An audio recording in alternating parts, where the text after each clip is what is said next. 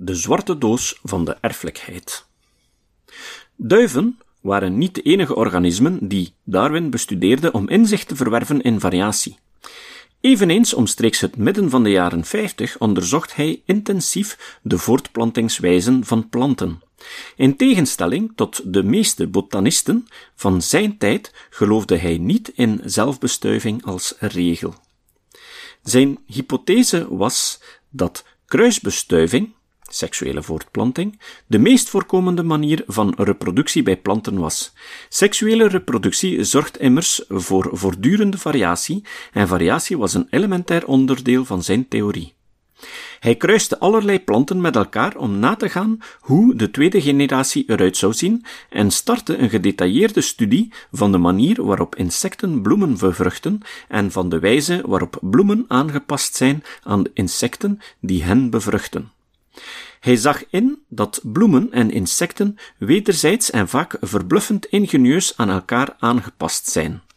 God is in de details, had William Paley opgemerkt. En hetzelfde geldt voor natuurlijke selectie, begreep Darwin. Brown, 1995, pagina 529. Zijn onderzoek naar de bevruchtingswijzen van bloeiende planten was niet alleen van groot belang voor zijn nadenken over het soortenprobleem, maar droeg ook in grote mate bij tot een aantal werken die na over het ontstaan van soorten werden gepubliceerd. In de eerste plaats was het On the Various Contriviruses by which British and foreign orchids are fertilized by insects and the good effects of intercrossing. Eerste editie 1862, tweede uitgebreide editie, gepubliceerd in 1877 onder de titel The various contrivances by which orchids are fertilized by insects. In 1876 publiceerde hij The Effects of Cross and Self-Fertilization in the Vegetable Kingdom, tweede editie 1878. Tussen 1862 en 1868 zagen vijf artikelen over variatie in bloemen van dezelfde soort het daglicht.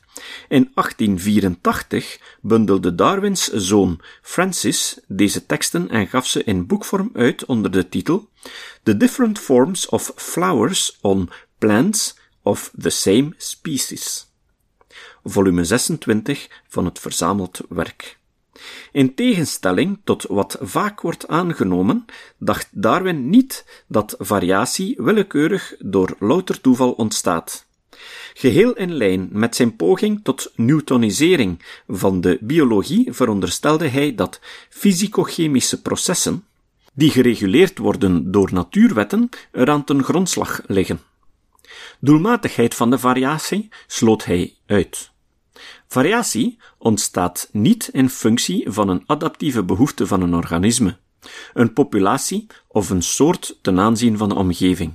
De situatie is vergelijkbaar met zijn uiteenzetting over de vorm van stenen en de architect die met de stenen een huis bouwt. Hun specifieke vorm hangt af van de werking van de natuurwetten, maar die vormden de steen niet opdat ze ooit het zij in een muur, het zij in een pilaar zouden worden verwerkt. Hetzelfde geldt voor de variatie van eigenschappen en organismen. Er moeten wetmatige processen bestaan die de variatie van eigenschappen regelen, meende Darwin. Die processen kunnen echter niet voorzien welke eigenschappen adaptief zijn en welke niet. Elke onderzoeker die zich inlaat met dit aspect van Darwins werk ontkomt niet aan de vraag hoe het kan dat hij de wetten van Mendel niet ontdekte.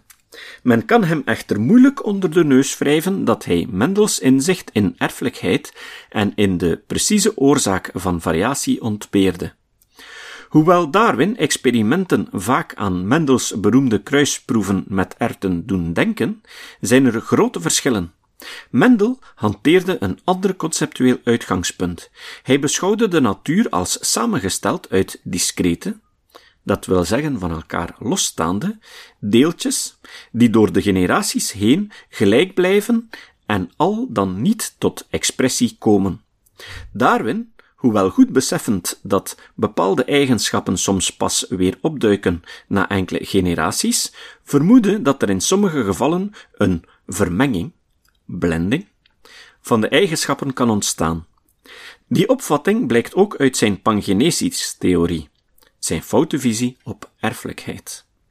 Hierbij aansluitend veronderstelde hij dat variatie soms gradueel verdeeld was, bijvoorbeeld met betrekking tot grootte of kleurintensiteit van bloemen. Bovendien beschikte Darwin niet over Mendels wiskundige capaciteiten, noodzakelijk voor de formulering van de erfelijkheidswetten. Dat alles leidde ertoe dat hij, ondanks zijn talloze experimenten met betrekking tot de problematiek van variatie en erfelijkheid, niet tot diens conclusies kwam.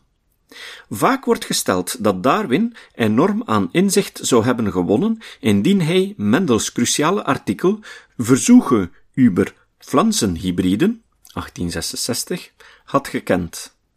Dit staat echter helemaal niet vast.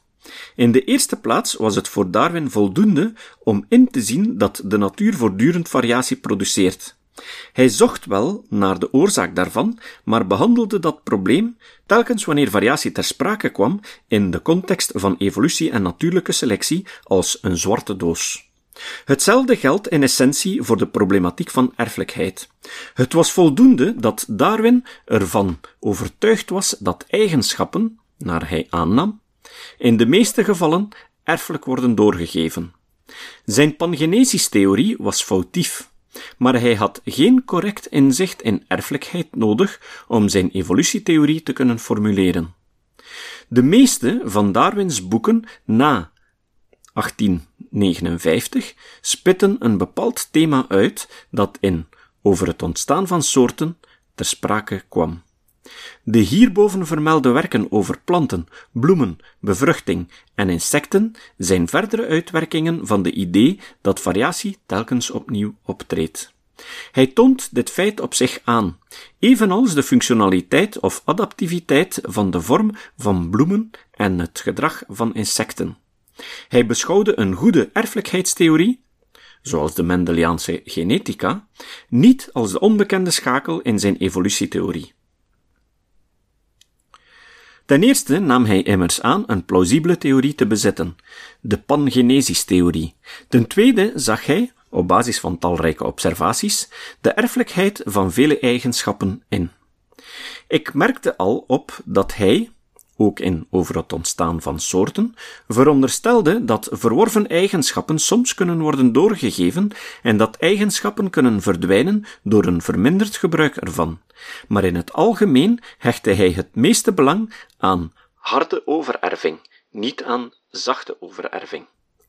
Mayer 1982, pagina's 687 tot 693. We kunnen het fouten van zijn speculaties over het erfelijkheidsmechanisme van zijn populatiedenken scheiden. Dat betekent uiteraard niet dat Darwin de erfelijkheidsproblematiek onbelangrijk achtte. Integendeel, het bestaan van erfelijkheid is een van de belangrijkste aspecten van zijn evolutietheorie. Zonder erfelijkheid kunnen de door natuurlijke selectie behouden eigenschappen niet aan de volgende generaties worden doorgegeven, wat de accumulatie van eigenschappen onmogelijk maakte. Zie ook infra. Een verklarende theorie over erfelijkheid was echter niet noodzakelijk om de realiteit ervan te kunnen hanteren als een van de elementen in zijn evolutietheorie, net zo min als Mendel kennis nodig had van DNA voor de formulering van zijn erfelijkheidswetten. Bovendien staat helemaal niet vast dat Darwin zou hebben ingezien dat Mendels werk een oplossing biedt voor de problematiek van het ontstaan van variatie, noch dat het erfelijkheid beter verklaart dan zijn eigen opvatting hierover. In onze tijd, na de zogenaamde evolutionaire of moderne synthese, de verbinding tussen het Darwinistische evolutieconcept en de genetica in de jaren twintig van de vorige eeuw, lijkt vanzelfsprekend, maar in de tweede helft van de 19e eeuw en de eerste decennia van de 20e eeuw lag de situatie anders. Ik beperk mij tot de essentie van dit onderwerp, met name in de context van de vraag waarom het zo lang duurde voor Darwinisme en Mendelisme met elkaar verbonden werden.